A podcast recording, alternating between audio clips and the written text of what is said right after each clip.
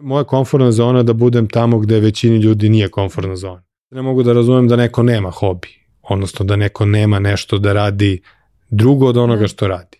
Moj posao od uvek bio da dosta komplikovane stvari moram da razumem. E sad, ako ne razumem komplikovanu stvar, ja ću isto nastaviti da komplikovano pišem.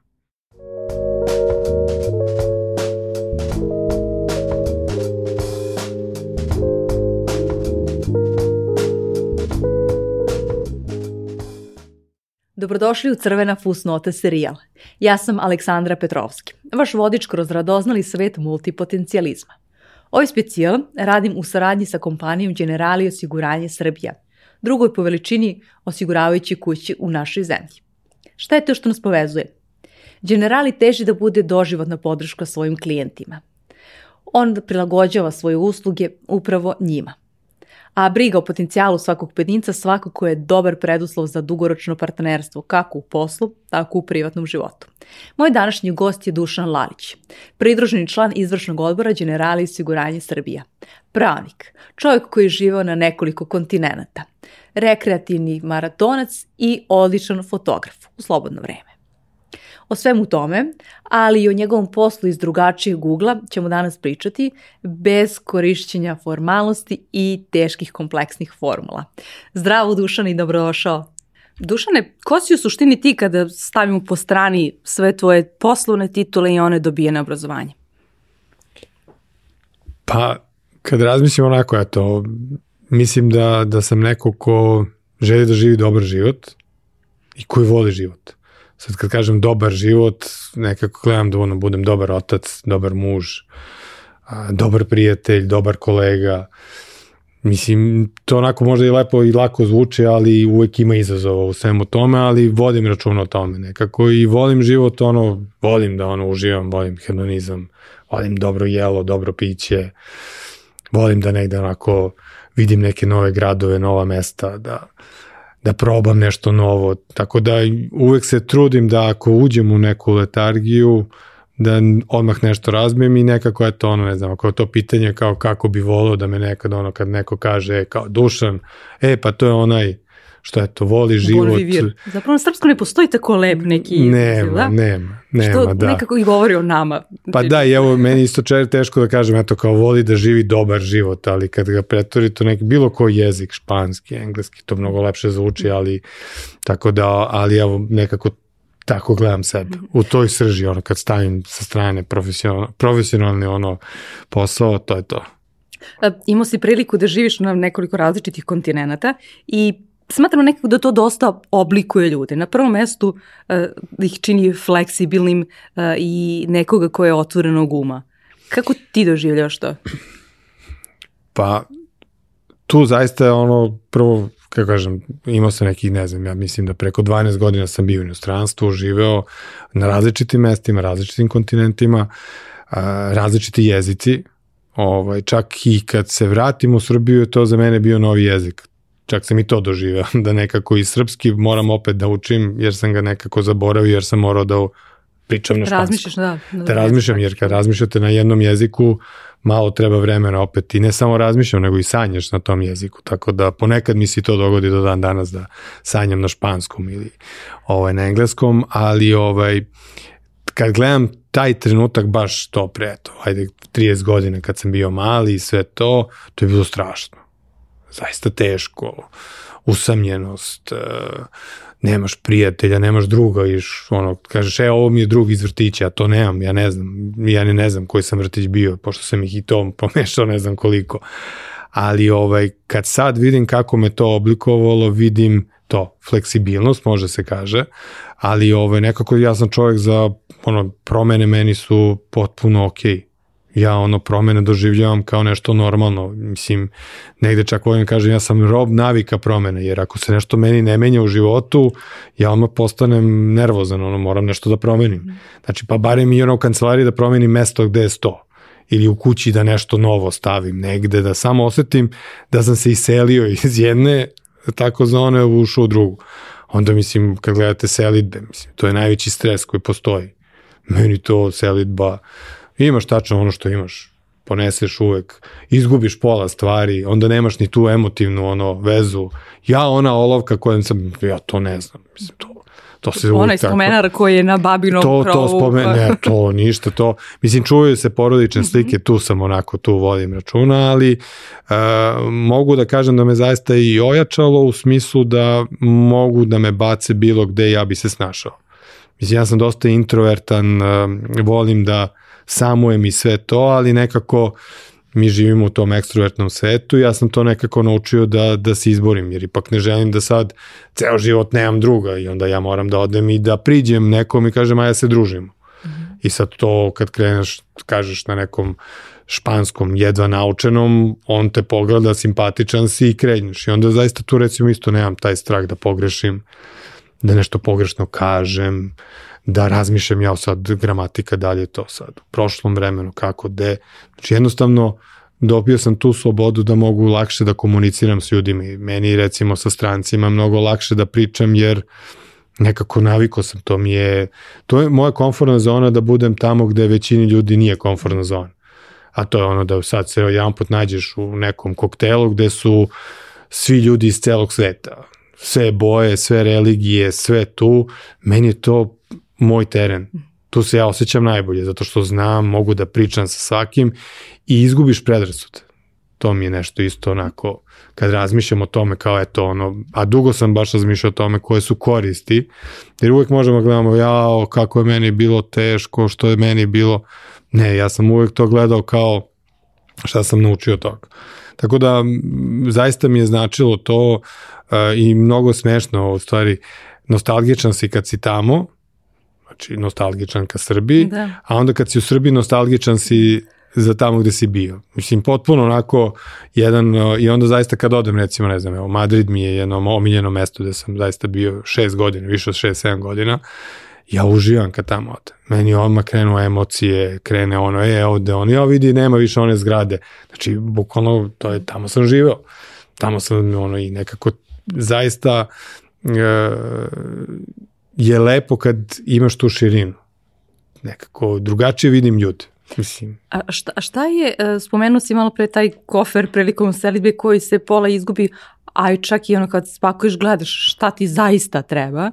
Um, koliko ti je to a govorimo u poslednje dve godine, posebno kada se svet koji poznajemo potpuno promenio i bespovratno, a to ne zvuči apokaliptično, već zvuči vrlo realno. Yeah. Um, koliko je to tebi pomoglo da zapravo ne osjećaš preveliku promenu u svim promenama, da kažeš, ok, ovo je nešto gde ja jesam taj.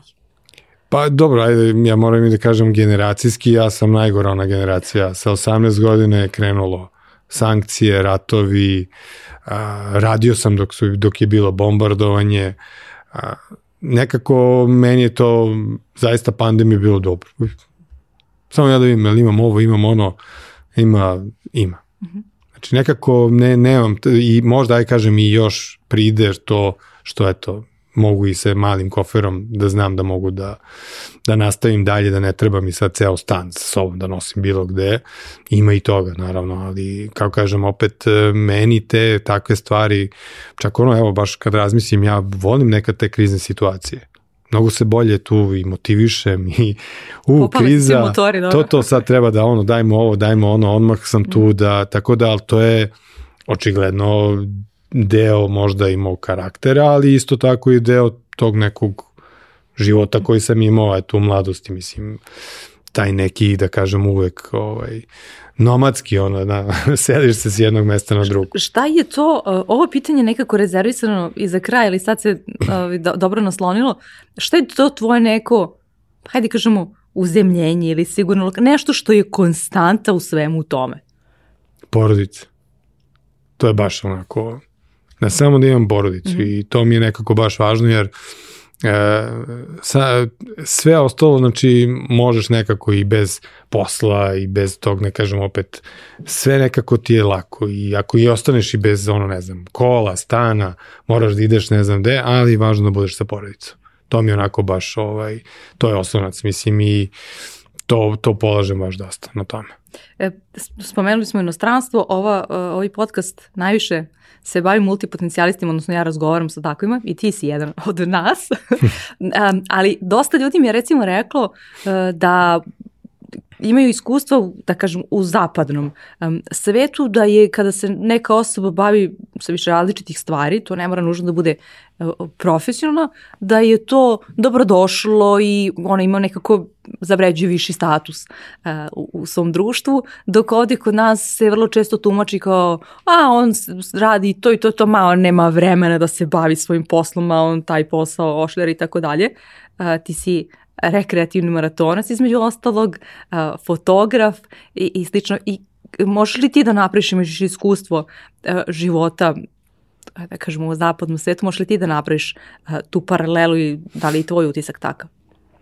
Pa jeste, ajde, moram da priznam, u stvari to je više nekako o, indirektan, ono, da kažemo, način da ti neko kaže, o, blago tebi, ti imaš vremena za to. E, kad bi ja imao za to vremena, ja moram da radim, a ti idi trči, vidim ja, treniraš to, pa da, ja, ja bi, ja, ja bi isto, odmah bi trčao, odmah bi se bavio fotografijom, onda tu odmah, o pa ti lepo zarađuješ, boga mi kad možeš, i odmah to je onako jedan indirektan način da ti kaže ovaj, da imaš mnogo slobodnog vremena i da možda kao ne radiš ništa, ovaj, ali jeste nekako to i deluje neobično. I mislim, opet ja kažem, ajde, možda ja zato što sam i introvertan, ja to ne pričam mnogo, ne, ne, ne hvalim se nigde kao ja trčim maratone, ja pravim fotografiju, volim fotografiju, nego jednostavno to je moje.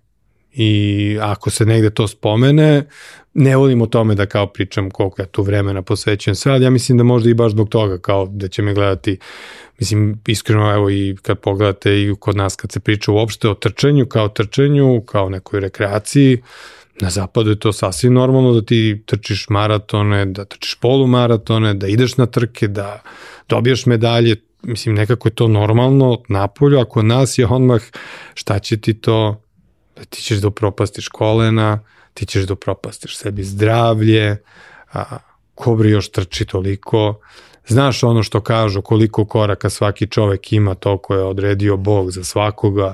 Gde žuriš? Nije valjda si stvarno takve komentare. Imao sam, da, imam to. Mislim, roditelji su mi glavni ovako, ono, podrške. Znači, do polumaratona su bili ok, ali za maraton su bili, ono, totalno, znači, nema podrške ništa. Šta će ti to, šta će ti to? Onda ja kažem, e, vidi sistematski. Ono, sve super, znači, krvna slika, fantastična. A kad kažeš da ideš na sistematski, to je verovatno, jel s tomu nešto nije u redu? Ne, ne, to je dobro. To je dobro zato što odmah mi se sve zapamti da kaže šta je sve u porodici. Genetika, ono sve, da, da, odmah da, pa me podsete više puta koje sve bolesti imao i čukundeda i prababa i, znači, to je tako, to su roditelji, oni uvijek brinu kao ja gde ćeš sad ono radiš i još ono znaju nekada ja rano ustanem ujutru da bi to trčao, tako da... Ali to stvarno, e, mislim, ako govorimo o satima, iz, iziskuje dosta sati priprema maraton posebno. Pa iziskuje, ali... I kada, to jeste duži vremenski period za koji se priprema, ali... Je, iziskuje, teško, teško je, mislim, ne, neću da lažem, teško je i zaista nekako, ovaj, ali opet i mnogo je lepo. Ima tu svoju lepotu i opet to ide u sklopu sa mojom prirodom. Znači, nekako, ja zaista ne mogu da razumem da neko nema hobi, odnosno da neko nema nešto da radi drugo od onoga da. što radi. To mi je nekako baš ono i ja volim u svom timu pogotovo mlađim ljudima, baš to da pričam koliko je to važno. I volim da čujem kad čujem tako da, da li imaju hobi, pa ako se nešto stidem, a reci koji ti hobi, nije problem, ako heklanje, ok, heklanje. I to je, mislim, lepo. Ali ovaj, nekako kod nas jeste ta kultura, ne postoji u smislu da se neguje i evo ja čak mislim da i pandemija možda će to malo više pokrenuti zato što pandemiji je povećana anksioznost, povećan taj neki strah i neki, da kažemo, ko sam ja, šta sam ja i recimo u svetu je to izazvalo da su mnogi ljudi dali otkaz zato što su shvatili da Preispitali su se zapravo, da, svoju svrhu, suštinu. Da. Šta ja sad radim ovde i onda nisu naši drugi posao, nego ne rade. Otišli da trče, otišli da se penju na neke planine, samo da nešto promene zato što su tad shvatili u stvari da im život nije ispunjen.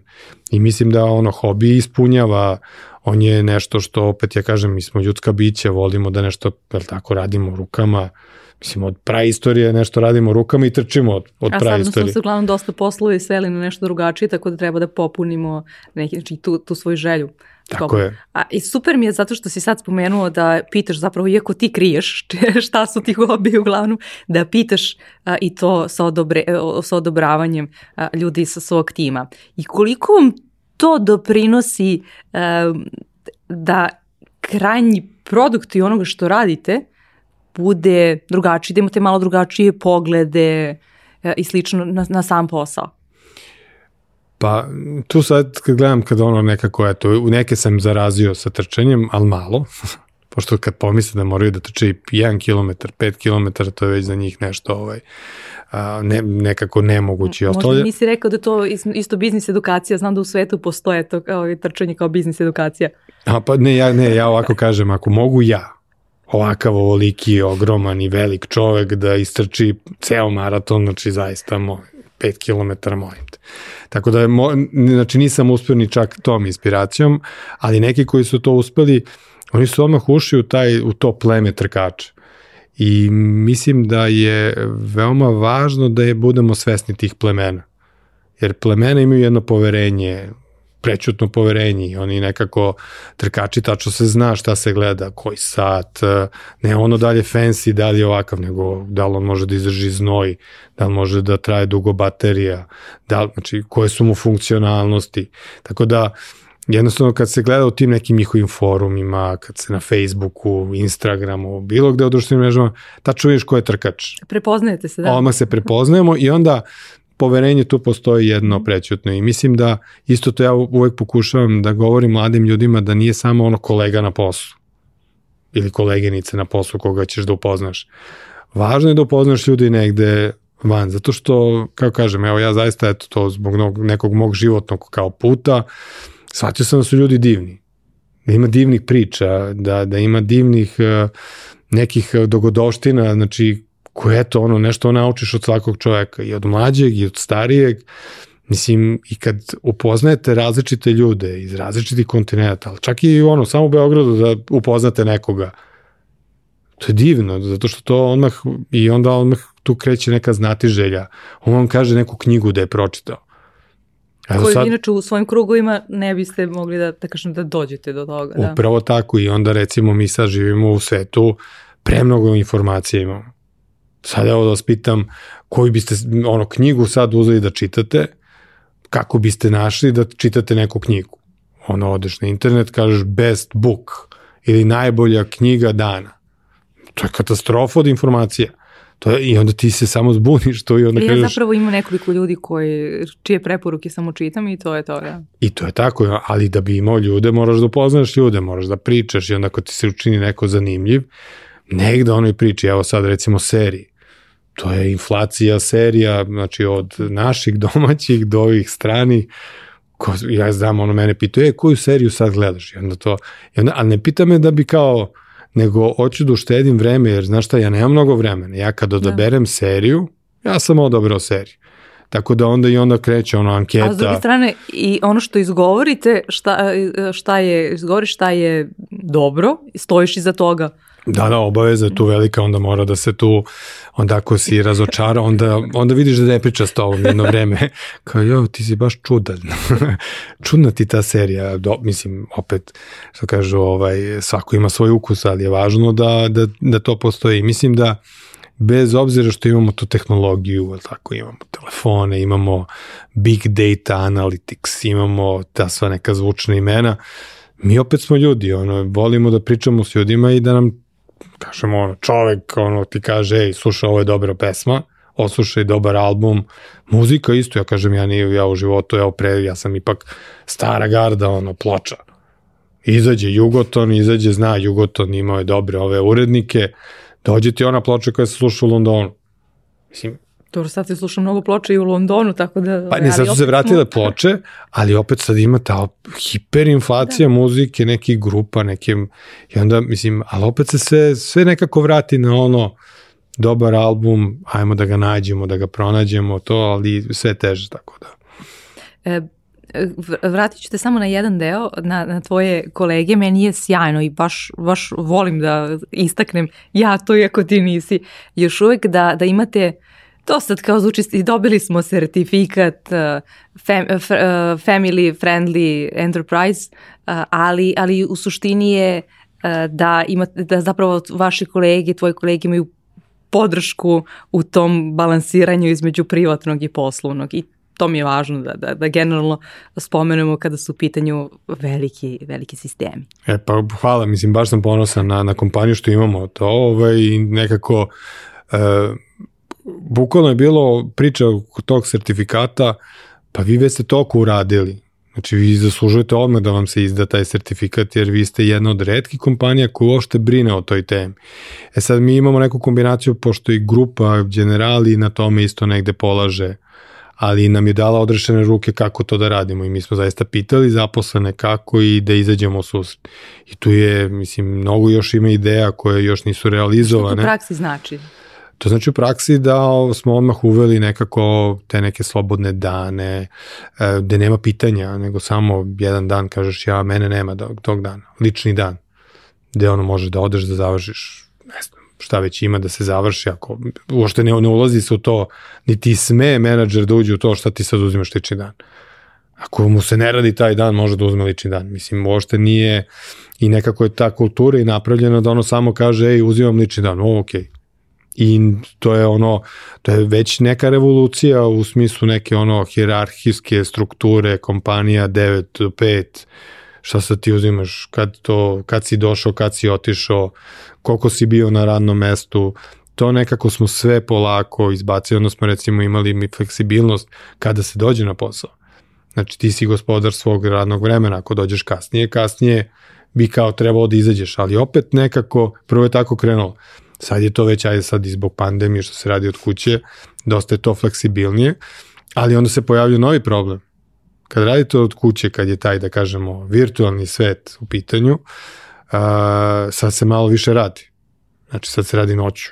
Sad se primaju mail ili pa mailovi noću ili negde u nekim čudnim satima. Ali to je nekako zašto je uh, ljudi se usklađuju sa sobstvenim bioritmom, hajde tako da kažem, što je s te strane dobro, zato što da, nisu svi ovi, najproduktivniji od 9 do 5. Tako je, ali opet kažem, to je sad ono nova bojka kojom se mi da. borimo u smislu da vidimo kako da ono i onda sad već radimo na toj nekoj kulturi da je okej okay ne odgovoriti odmah na mail koji se dobije u ponoć, nego da može da se odgovori sledeći dan u tom svom nekom komfortnom, da ja kažemo. Ja to rešam tako da zakazujem mailove za, za 9 i 15 ujutro. pa, da, ima i taj način, jeste, ali opet kako kažem, ljudi ono jednostavno to vole da završe, da. kao ja sam čekirao, uradio sam, Onda recimo mi smo tu dosta isto radili na tome da on imamo uh, jedan dan u godini kada svi zaposleni dovedu svoju decu. I ceo dan je ono deca po firmi svuda idu, mi im organizujemo sve od uh, animacije, kokice, uh, sokići, znači pravljenje raznih nekih džidža bidža, znači idu sve, to je, to je potpuno prelepo i to uvek svi pričaju o tome jer to je isto nešto što ono, onda imamo te slobodne dane za prvi dan u školi, pa onda, znači nekako uvek gledamo da vodimo računa o ljudima koji imaju porodicu, da zaista ih razumemo koje su njihove potrebe i kako da, da im izađemo u susret. I ono što je najvažnije jeste da čujemo zaposlen. Šta oni, kako oni žele kako i da na neki način ono izlazimo tu u susret. I zato zaista ja kad pogledam generali pre par godina i sada, uh, to je, to je razlika, po, velika jedna razlika. Znači, mi smo pre svi bili u odelima, kravate, ono, u 9 sati. Ja sam se plašila da ti nećeš doći sada u, u, u odelu, moram da priznam.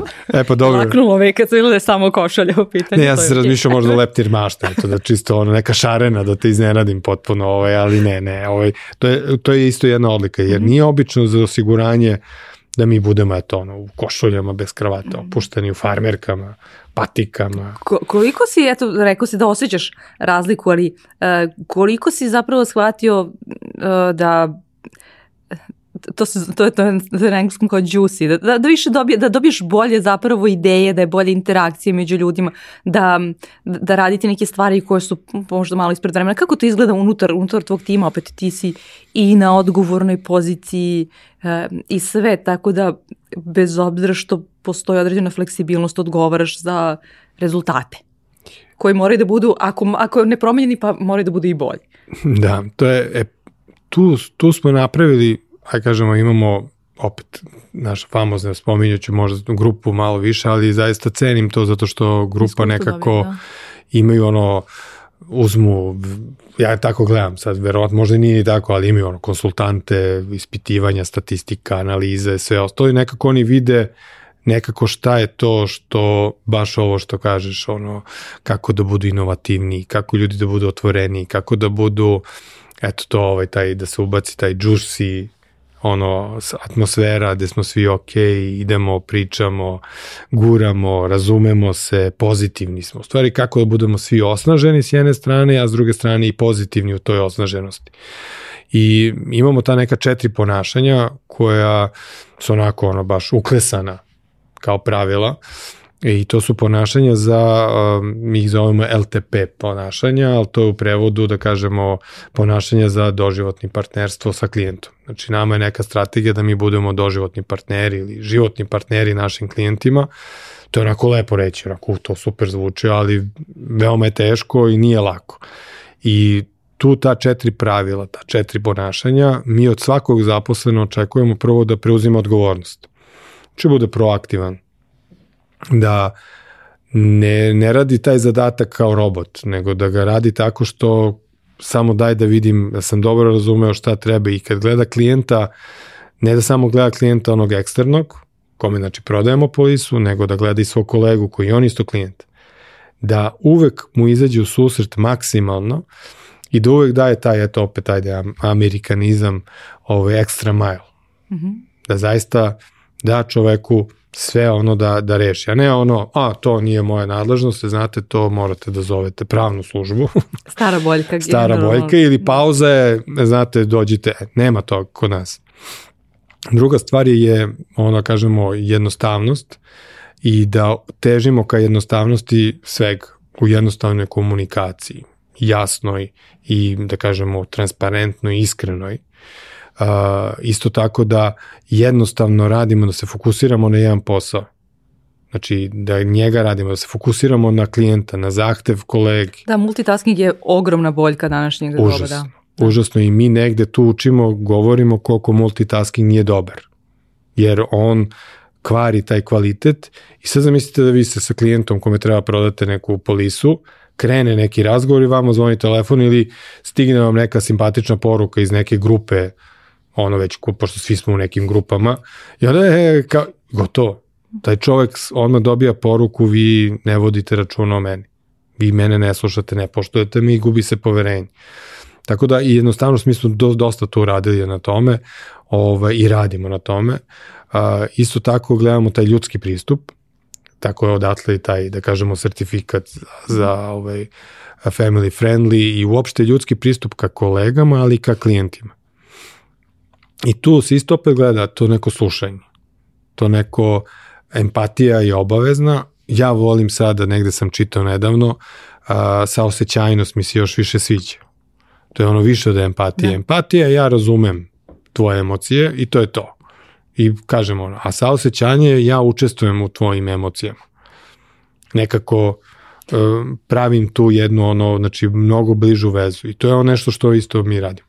Ovo što si spomenuo je nekako važno mi za život, nebitno, e, ti si sada spomenuo kao vaša neka, na neki način kompanijska pravila, odnosno usmerenja, ali e, koristi nam za život. Kako postižete tu jednostavnost zapravo? To je čini mi se prilično kompleksno i malo pre smo pričali o buci konstantnoj sa svih strana kojima smo okruženi i tako dalje, ali kako postižeš? Nisu, nisu svi ljudi, generalno ni u kompaniji, pa ni sama osoba bilo koja iako su otvoreni, kao tome ne mogu to da postignu. Ja sam pravnik. Se veru. I pravnici su komplikovani. Tako, to je odmah, kad kažete pravnik, ja ovo je komplikovan. Uh, ali ono ne, što je... ima mnogo i a, ako u ovom slučaju ovo, ako... Ne, ne, ima stav 3. da. I onda samo pročitaš prva dva stava, ali treći stav zaboraviš da pročitaš, ali ima taj uvek famozni stav 3 i pravnici uvek to razumeju i to i oni greše zato što od slučaja do slučaja. zato što ne pročitaju sve. Znači to je to je jedna stvar i mene pravo verovali ne naučilo da pojednostavim stvari. Zašto? Zato što nekako moj posao od uvek bio da dosta komplikovane stvari moram da razumem. E sad, ako ne razumem komplikovanu stvar, ja ću isto nastaviti da komplikovano pišem.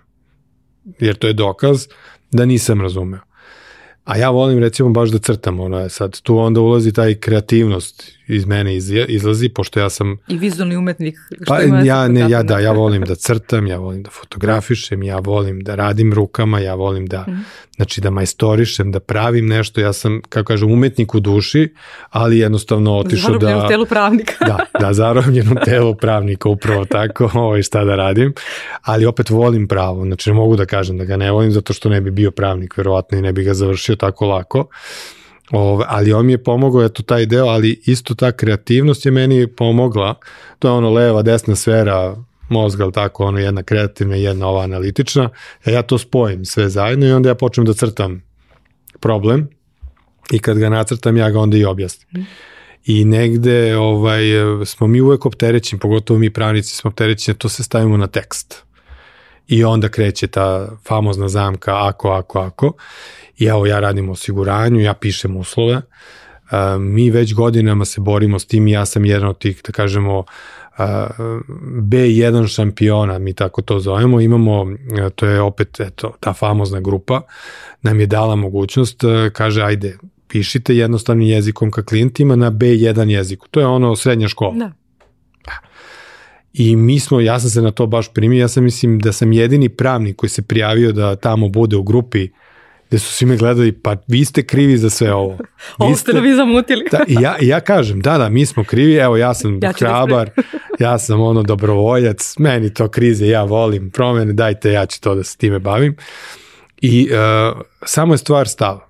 Znači, stav je u tome što o, kompanije, velike kompanije, iz nekog svog iskustva, iz neke svoje istorije, uvek gledaju da se štite I onda bolje ti da napišeš što više, sve lepo na jedan papir, pa onda još teraš ovog da potpiše da na napišeš, svakom. Ali da niko ne razume. to je obavezno. Ne, to, ne, ne razmišlja se o tome. Nije to, kako kažem, nije zlo, nema tu zle da, namere. Da, moment empatije zapravo na neki način. Pa, e, empatija je da. da ti shvatiš kome ti to pišeš. Mm. Empatija je to, znači to je ono, ja, kome ja ovo pišem, jel ovaj ko me pišem razume. To je empatično pitanje. A profesionalno pitanje on sigurno ovo razume. I profesionalno pitanje, e, šta će biti ako ovo ode na sud? I negde ja kao, eto, zaista sam tu mm, kao pravnik, neobičan sam pravnik u smislu zato što sam ja rekao, ljudi, ajde da mi pišemo jednostavno, jednostavnim jezikom, jer ako on razume to što sam mu napisao, neće biti sudskog spora. Da. Neće biti suda. Jer ako ja želim da idem na sud sa klijentom, onda kako ja, ja živim od tog klijenta. Ja ne želim da ga vidim na sudu. I mi zaista smo pa sad... To dugoročno nije dobro po reputaciju na kraju dana, mislim. Pa, velike kompanije to ni ne gledaju, one gledaju kao to, kao mora to tako. E, regulator, regulator je rekao. Rekao ovaj, rekao onaj, mora ovde to da stoji. Neke stvari naravno da moraju da stoje, neki papiri moraju da postoje. Ali je važno da uvek mi napravimo jedan papir da objasnimo zašto taj papir postoji.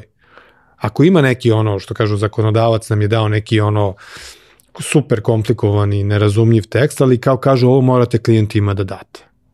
Mi damo, ali mi gledamo da objasnimo zašto mu to dajemo. Jer nama je cilj da on razume, da ono znamo da on to razumeo. I e, zaista to, kao kažem, mi smo mnogo stvari u tome uradili, mislim, evo ja kažem, ponosan sam da kažem da imamo uh, uslove za domaćinstvo, znači osiguranje domaćinstva, ovaj, je nekad bilo na 70 stranica. To je sad na 4 stranice. Sve nepotrebno smo izbacili. A to nepotrebno, to je ono da se mi zaštitimo za ne daj Bože. Ali... I onda zapravo dolazim u tom trenutku, uh, ja govorim iz ugla korisnika, uh, klijenta, kao ha, dobro, znači potencijalno mi se pali lampica, ovde ću ja da budem prevarena strana. Tako je, ne, ne, mislim, so, mislim ja kažem, ja, ja, važno je da budemo svesni toga. Znači da, da ljudi imaju osjećaj da banka, osiguranje, su neki prevaranti, da nešto tu oni mnogo zarađuju para, mnogo se. Ali to je samo stvar komunikacije i mi zaista mislimo da kroz jednostavnu komunikaciju i otvorenu i iskrenu može da se to promeni. I recimo evo mi a, već više godina se borimo sa prigovorima, u smislu borba je lepa borba, u smislu da prvo gledamo prigovor kao poklon. I mi uvek želimo i volimo da čujemo šta klijent ima da kaže. Ne, nekome je stalo da da kaže gde si pogrešio, a uglavnom će samo da odbaci Upra, to i koji Imate uvek dve da, opcije. Da. Jedno, ko dobro, ok, prigovor, imamo ovoliko, toliko prigovora, dobro. Statistička greška, može da bude. Jeste, manje više uvek tako kad pogledate u globalu, to je uvek statistička greška. Ali ja uvek kažem ne, jedan nezadovoljni klijent je znači daleko gori nego onaj zadovoljni. Zato što zadovoljni ćete pohvaliti tu i tamo, ali nezadovoljni će da te da kudi, da. na svakom ćošku će da priča o tom. I nama cilj, ja ne kažem, nemam ništa protiv, ja potpuno razumem kada, kada imamo, da kažemo, razočaranog klijenta. Ja to sve razumem, ali meni je važno da ja, kad dobijem taj prigovor, da mi kao kompanija odmah sednemo da vidimo da li možemo drugačije. Znači, mi želimo da napravimo tako da zaista to bude uvek da nekako nađemo zajednički jezik sa klijentom. Čak i sa onim najnezadovoljnim, da sednemo i da nađemo način kako možemo to da rešimo. Jer e, nema tu neke treća opcija. Ako želimo da budemo doživotni partner, to je cena. I to je najteži put. Najlakši put, ono malo statistika, malo ovde, malo ono, je super. Znači, mi smo evo za nekih 60% smanjili prigovore u poslednjih tri godine ovaj, i što je zaista velika zasluga cele kompanije, jer nekako smo proširili tu kulturu da prigovor posmatramo, zaista, evo ja kažem, volim to kažem kao poklon i kao nešto da nas natera da nešto promenim. Ako se, ako se stavimo u paralelu sa običnim životom, a to je onda kao, aha, kako da ja prihvatim kritiku na neki način. A, I kako onda, na, ajde možeš da mi kažeš i ti na, na ličnom nivou, ovaj, a opet i da uh, ostalim tvojim kolegama se dovede to stanje svesti, prihvatanje te kritike, odnosno jeli prigovora? Pa sad je, evo ono, aj, kad si me pitala ono da ti kontinenti, taj moj život u inostranstvu i sve to, um, koliko hoćeš sam bio puta kritikovan ili mi nešto rečeno, znači od toga da sam možda nešto loše rekao ili sam pogrešno rekao ili nisam znao jezik pa te neko kritikuje zbog toga ili jednostavno što sam menjao milion ono obrazovnih sistema, ne odmah prvog dana nisam najbolji đak, nego sam onako prosečan đak i onda odmah imaš onu kritiku od učitelja koji ne razume da šta ja kao dete proživljavam, nego me gleda kao još jednog đaka koji treba Kako malo da bude strožiji. I onda nekako ja sam tu opet kritiku sve prihvatao, ok, ne razume me. I idem dalje, ja ću da guram svoje i izguraću svoje. I, kao kažem, izgurao sam dosta stvari u svom životu baš iz nekog toga, ajde da kažemo, inata i meni kritika je uvek dobra. Jer onda želim da dobije mene neka kritika motiviše da budem bolji. Evo, ako pričamo o privatnom životu, znači ta fotografija. Znači, moja, evo, ja kažem, zaista sam zahvalan na mojoj starijoj sestri, koja kad je videla te neke moje fotografije rekla, ja vidiš što je super, odmah mi je negde okačila kod sebe u stanu te fotografije, ja sam ta shvatio, ju vidi stvarno meni to nešto ide od ruke, mm. kao znam ja to da vidim taj trenutak i ostalo. Ali važno je prihvatati i mislim da aj kažem opet to i u tom privatnom životu je to normalno, meni bilo nekako da, da, da uvek se borim i da dobijam te, da kažemo, ne kritike, a nego ono, savete i ostalo. I evo do dan danas, ja, ja prihvatam, neko teže, nekad lakše, ali opet, kao kažem, shvatio sam, pogotovo još kada si menadžer, kad si lider, kad vodiš ljude, ja prvi moram da prihvatam taj feedback najbolje što znam i umem da pokažem drugima kako treba da se primi. I mislim da isto ono što kod nas nedostaje u našoj kulturi jeste to priznavanje greške. To je nešto što mi kao, kažem, ne, ne vidi se to često. Ja volim da priznam grešku, ja kad pričam sa klijentima, pogotovo onim koji su nezadovoljni, koji vidimo da smo nešto pogrešili, ja odmah to kažem. I ne samo tu, nego i kad gledam sa svojim kolegama, sa svojim ljudima, ako sam negde nekad pogreš, neku pogrešnu odluku dono, ja je priznam i kažem. I umem da se izvinim. I nije samo izvinjenje, nego da zaista promenim nešto u sebi. Znate, kad vodite ljude, naravno tu nekad neka greška može da se dogodi. I ja volim da čujem nekad taj, da dobijem taj feedback. Nekad je to teško jer opet ta kultura i onog, da kažemo, podređeni, nadređeni, ono odnos, kao, ne, neću ja da mu kažem, kao ipak, ja negujem to, volim to i volim da, da učimo na greškama. Malo pre si spomenuo kao kako te je tvoja sestra, kada si ti bio, hajde kažemo, početnik a, ovoj fotografiji, podržala time što je a, tvoje, tvoje radove okačila kod sebe u, u kući. A, I koliko zapravo smo mi podrška nekome ko je početnik i pričao si kao da kada sam bio novu u školi i tako dalje, e, koliko e, postoji ta podrška kada neko početnik u nečemu razumevanje da to ne možemo odmah da dobijemo najbolje od njega, ali da istovremeno treba e, da, da mu pružimo vetar u leđa i da vidimo njegov potencijal. Meni je bilo recimo super u nekim čak i domaćim ovaj, kompanijama, uglavnom u, u gostiteljskim objektima viđam da neko ima ono kao početnik ili tako dalje oznaku, što je meni, jer opet imamo drugačiji onda stav prema njemu, opraštamo mu na neki način neke greške. On je nov u nečemu, uči nešto novo. Ne možemo da očekamo savršenost od toga. Slažem se, slažem se. I to sa početnicima u stvari uvek je problem. Ne smeš ni mnogo da ga hvališ.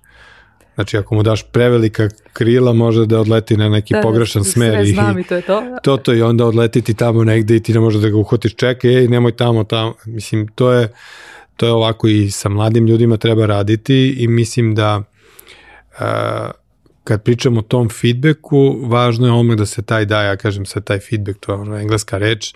Povratna ali, informacija. Povratna, ali onda kad kažeš srpsko, zaista on povratna informacija isto onako malo deluje. Uh, ali ja volim ono, to isto ima ovaj, malo ta radikalna otvorenost.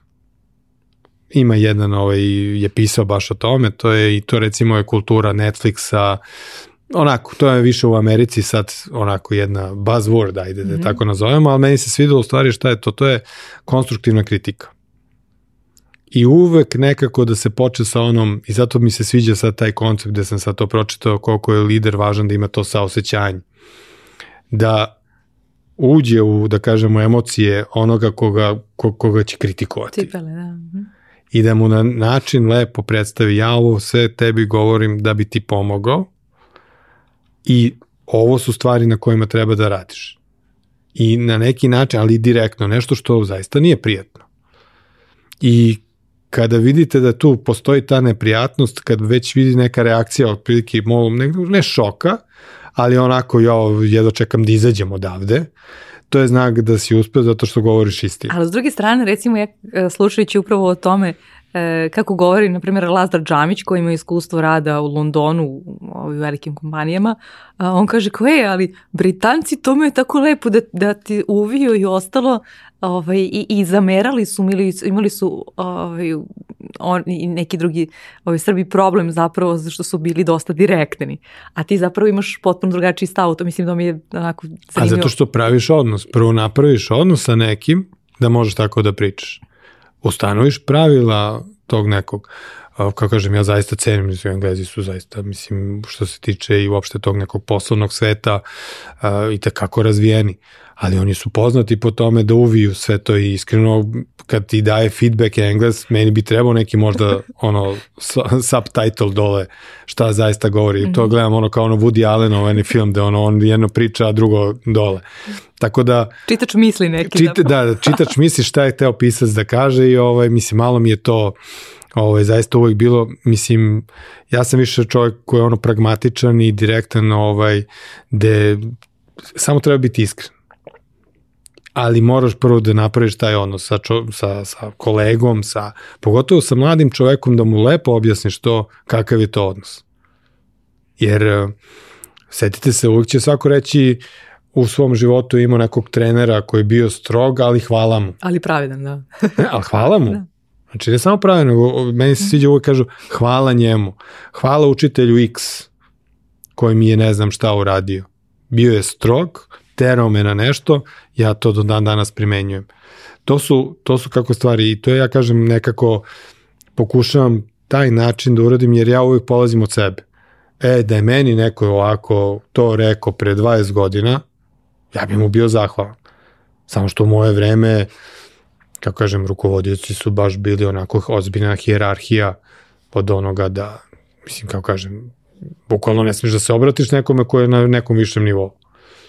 E, to mi je super zato što si spomenuo, jer sad imamo jedno od mojih istomiljenih pitanja šta, šta, šta si mora da odučiš, odnosno da promisliš ponovo um, ili slično. I kako ovaj, ti si s jedne strane, da kažem, kao, kao uzora imao neke ljudi koji se drugačije ponašaju nego ti kada si sada rukovodioc, menadžer, lider, kako god lider i menadžer nisu naravno isto, ali rukovodioc jednako menadžer. Uh, kako sad taj moment, mislim, generalno to dosta imamo problem u životu, e, ja sam se tu, tako sam ja prošao ili sam se tako mučio, uslovno rečeno je sad treba i neko drugi tako da prođe, a ne mora, jer ja znam kako sam se osjećao kad sam bio u toj nekoj ulozi zaposlenog, ovaj, odnosno podređenog, kako kažem. Pa nije lako. Opet treba da izađeš nekako iz svojih cipela da uđeš u nečije tuđe. Pa i to, ali aj otvorno pričamo. Znači ja kad sam postao sa 29 godina direktor, neki rukovodilac, šta god, mislim, kakav menadžer, lider u to vreme, i to se čuo negde, ono, bila neka knjiga o tome, vajda. Ali, ovaj, nije se to, ta, ne, nije se još prevodilo kod nas, ovaj. Ja zaista sam bio upošen. Ja sam shvatio da ću ovo moći. Mislim, mene stavili ovako mladog, ali samo iz ono razloga što trebaju nam sad mlade, mlade snage, energija, znanje jezika, znanje ovoga, znanje onoga, oni koji su spremni da uče, sad sve mora novo. I meni nekako to baš bilo onako frka i ja zaista nisam imao mentora, uzor, neki ko sad, ja, nekako mi je baš bilo to i sam sam krenuo tako da čitam, ne znam, neke knjige, onda tako nađeš neku knjigu, nemam pojma nekog ovaj, koji se bavi time i onda to nešto pročitaš, ali ništa tu nekako ne, ne, ne primenjuješ zato što na kraju primenjuješ ono što vidiš da to radi, aha, ovo funkcioniše, znači treba da povisim ton, treba da kažem tako sam ja rekao i tako će biti, jer ja odgovaram, mislim, to meni nije bilo baš onako, ali polako vremenom sam onda shvatio šta je u stvari biti lider i onda nekako, ja kažem, od direktora tako upašenog, koji se borio za neki, da kažemo, status, jer e, krenuo sam ja dobrim putem da stičem taj autoritet, shvatio sam da ja moram da znam više od svih. Jer tako, tako će da mi ljudi veruju i tako dobijam kredibilitet. Ali opet s druge strane, recimo imaš, mislim da, da recimo Steve Jobs je jedan od zagovornih kriterije, a čak i Bill Gates. Nemoj da, ono kao, ako, ako zapošljavaš Ako si ti taj koji najviše uh, zna, onda si zaposlio ljude koji, koji nisu bravo, dovoljno dobri, bravo, odnosno niste dru, ovaj, o, sredina koja raste. A to u takvoj situaciji, ta, tako sad naravno, ja ono isto mislim da je to pravi savet i pravi način da uvek na, nađeš nekoga koji je bolji od tebe. Znači da odmah radiš na nasledniku ko će da preuzme tvoj posao. To isto kod nas ta kultura je otprilike, jao, pa uzet ti posao. Šta ćeš ti da onda radiš? Mislim, kako šta ću ja da radim? Ja sam napravio čoveka još jedno kao ja, koji je još bolji od mene. Mislim, Učenik prevaziš učitelja, da. A tako treba.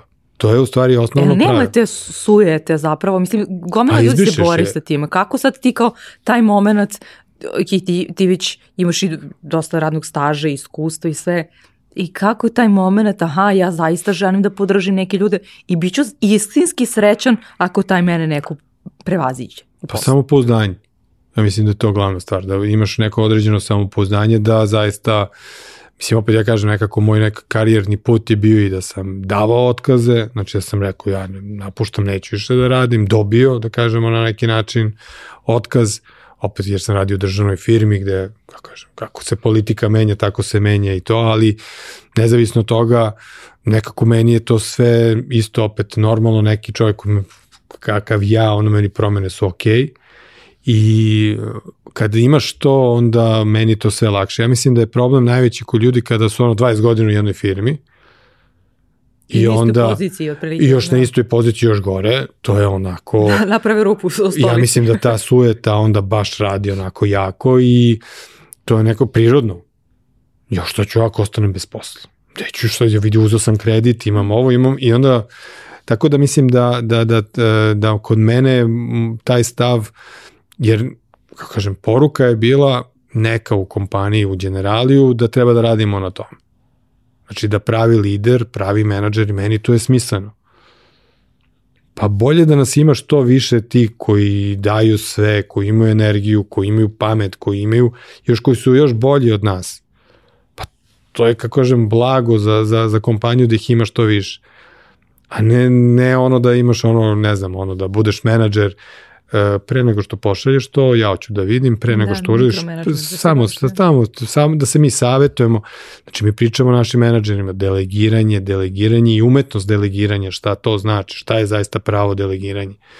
Jer neki misle kao, dao sam mu, ali onda sam ga pitao šta si uradio s tim. Znači, ne, nema, dao si, nema šta više, to te ne zanima. Tako da, malo tu ja kažem, ali ja sam zaista ponosan na generali, mnogo radi na tome i dosta ta kultura je negde manje više e, prihvaćene i ja zaista je to, ja zahvaljujući baš tome i napredujem karijerno, kad gledam, znači baš bi bilo suprotno, ne bi napredovao da sam napravio taj ono. Kako da, upravo eto to mi je interesantno da čujem čime meriš i kako gledaš sada svoj napredak? Pa time što sam uvek teo da radim nešto novo, tako ono, teo, teo sam da radom kažem ja želim nešto novo da radim. Znači evo ja sam pravnik, ja sam mogu da budem ceo život samo pravnik, tako mogu sam da budem advokat i samo Ideš to da radim. putem u istu sudnicu. Idem isti da. tako sve i onda se setim nekog advokata koji je rekao kad je otišao u penziju šta ti je ostalo u sećanju kao od advokature, on je rekao čekanje ispred vrata. Malo to, malo mi je to onako baš kad tako to čuješ, Mislim, ima advokatura, ja je volim, ja volim Dinamične, to, ali ima tu dinamike, ali opet, kao kažem, to je to, tako, to si odobro i opet ja mislim da kod advokata isto ima ono, ja sad mi možda malo nešto promenim, da nešto drugo radim, možda neka druga oblast negde, nešto onako. E sad ja sam još uh, onako uvek to gledao, ali ja sam bio pravnik, korporativni pravnik koji mogu da uvek ostane takav kakav jest. Ali volao sam da prihvatim neke nove stvari, neke nove projekte, Pogotovo ako još nekako svi nerado to bi da uđu u to i eto recimo prigovori su došli kod mene. Svi su ja, pusti to prigovori, to daj ti to pravnici, oni će to da ih srede po tamo i onda sam postao advokat klijenata. Jednostavno sam bio glas klijenata i i kroz taj eto B1 pisanje na jednostavan način, razumevanje klijenta, postao sam u firmi čovek koji je ono opsednut klijentima i klijentocentričan i nekako zna šta klijentu treba. I sad sam tu dobio šansu da eto sad vodim znači, tim koji se bavi klijentima i marketingom, ali po meni je marketing u stvari to, e, iskustvo klijenta, da se bavimo klijentima, da kada puštamo neku poruku klijentu da ta poruka bude jasna i jednostavna. E, e, ne mogu, naprosto i svi bi te ovo sad pitali. E, ja volim kad razgovaram sa ljudima koji rade ili, ili u osiguranju ili u banci da kažem, ajde ispričaj mi neki zanimljiv bez ikakvih, ali neke su to onako situacije koje pamtiti, koje se prepričavaju, koje ćeš da pamtiš više nego čekanje u sudnici. Neki, ali to sad, ovaj, neke gde ste zaista onako ljudima je ta pomoć iznačila, odnosno to što su imali sigurnost. Ja, pa je osiguranje miran san, tako, aj tako. Mi, I to je najteže prodati. Zato što prodajemo nešto što je Zvuči neko obećanje. Mm -hmm. Zvuči, ne daj Bože, da ne, ne nastane. Znači, mi prodajemo nešto što ne bi baš trebalo da se dogodi. A tako, svuda ćemo reći, ne daj Bože, kucni u drvo, pomeri se s mesta, daleko bilo i već ono sve one izraze, mi to prodajemo i e, teško je to prodati zato što ljudi neke pare nam daju i onda kažu ja dajem pare, ali ništa ne dobijam za uzvrt. A to je osiguranje. Dobijaš ga onog trenutka kad ti je zaista preko potreba. Imamo mi tu zaista priča, mislim, evo ja bih, ajde kažem, izdvojio jednu priču a, o jednoj gospođi koji je ovaj, čiji je sin terao da, da, da se osigura, da uzme jedan proizvod naš. A, I ona je onako bila, mislim, već tako 50 nešto godina, šta će meni, otprilike baš je bilo onako, više je bilo u fazonu šta ću ja sada da dajem još ono sve, onda kad još čuo da to neki mali iznos, znači nekih, ja mislim da je bilo tad u to vreme od 10 evra mesečno, ovaj, da odvaja, mislim, zaista, eto, nije ni tad bilo to šta, 1000 dinara da daje, i to je dobila, znači, životno osiguranje i dobila je to jedno osiguranje za neke redke bolesti, i on, ajte, kaže sin, ono, dosadan si bio, ali ona to priča, ona tako nama pričala, mislim, baš onako dirljiva jedna priča. i e, ode na sistematski i ode na mamografiju i utvrde je kancer. I to kancer dojke. I taj proizvod, hvala Bogu koji je imala, je imao mogućnost da može sleči i u inostranstvu. Znači da ima drugo mišljenje i da ode u inostranstvo da se leči. Ona je otišla, znači sad ona priča svoje iskustvo.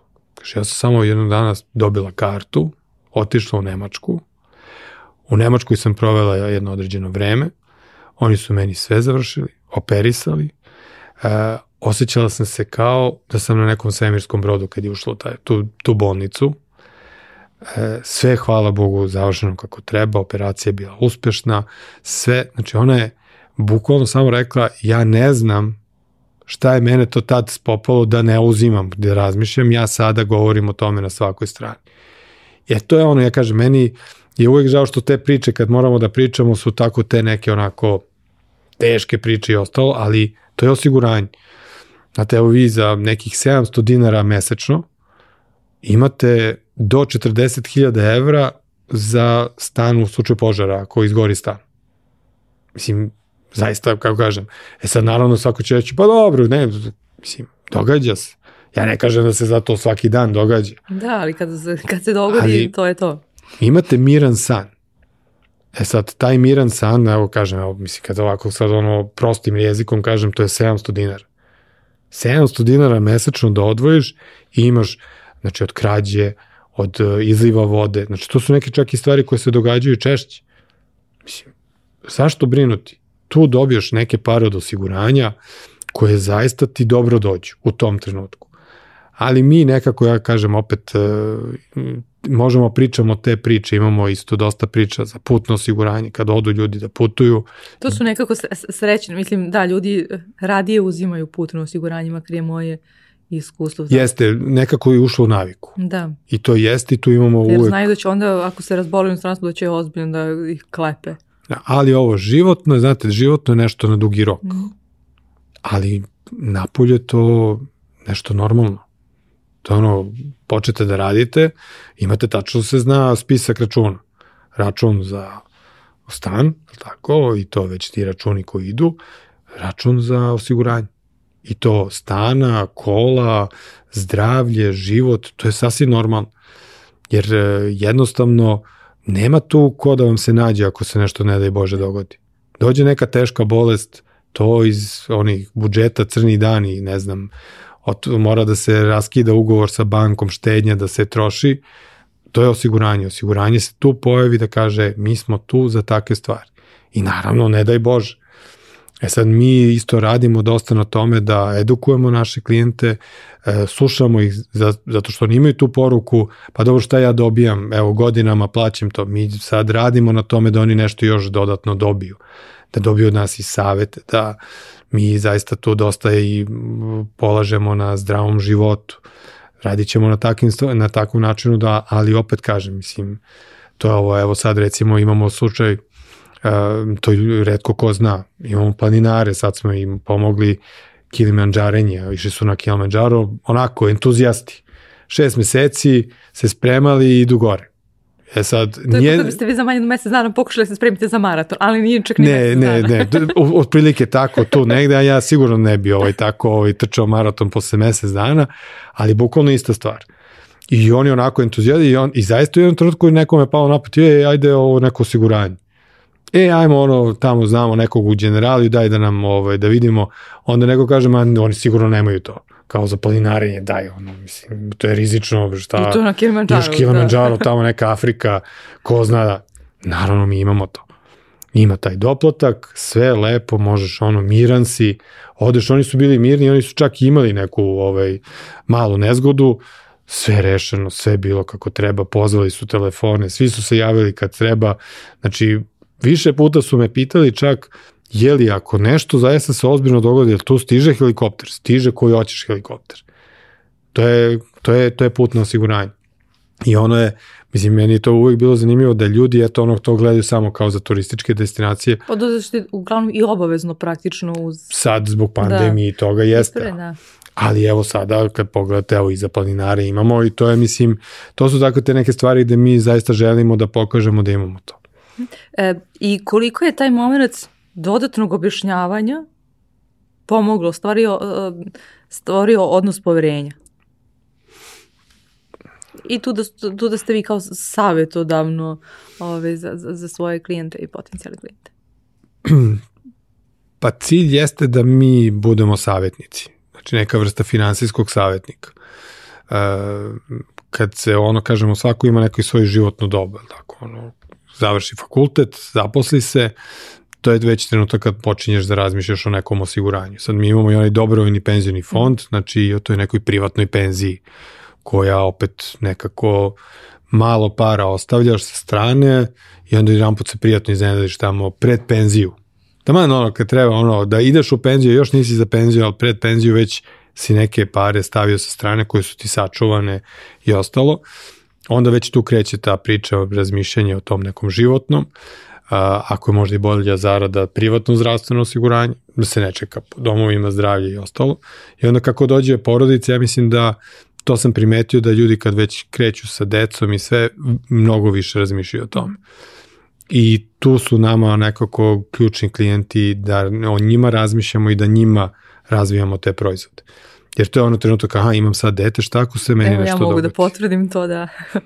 Upravo da. to. I to je veoma važno. Sad neki ne razmišljaju o tome. Zašto? Zato što opet treba biti realan, imaju određene troškove, imaju određene, da kažemo, opet inflacija, zarada se ne povećava u skladu sa inflacijom, povećani računi, potrošačka korp, sve to stoji.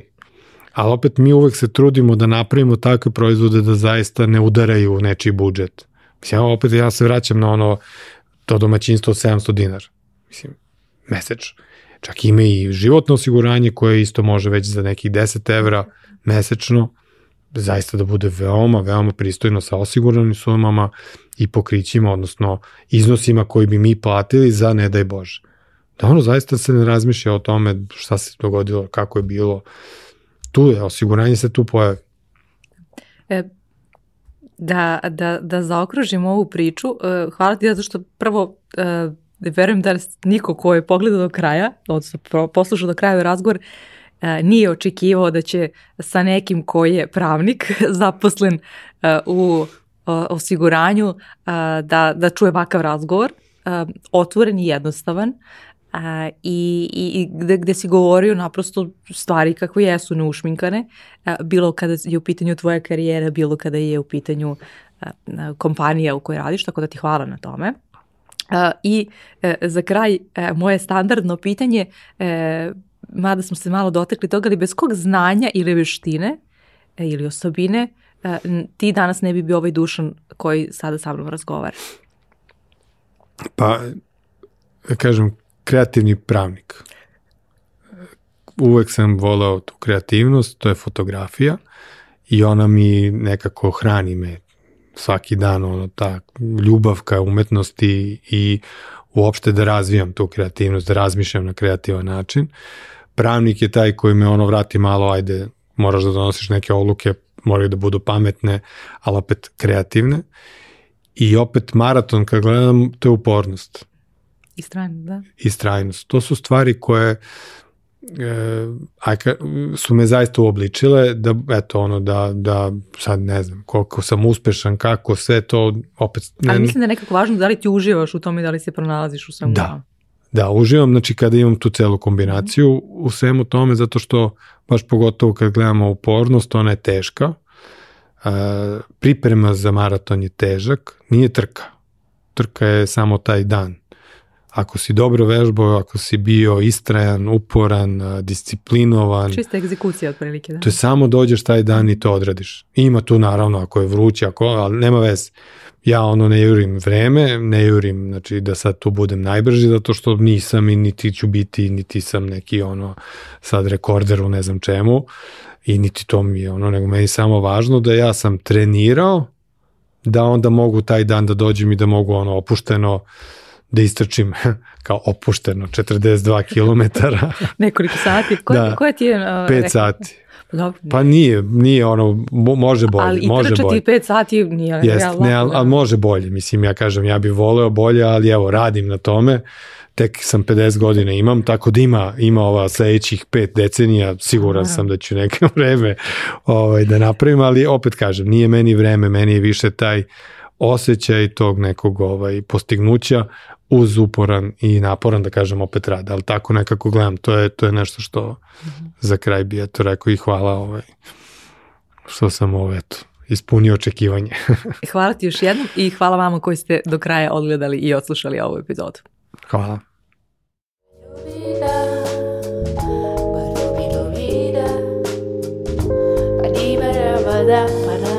Da,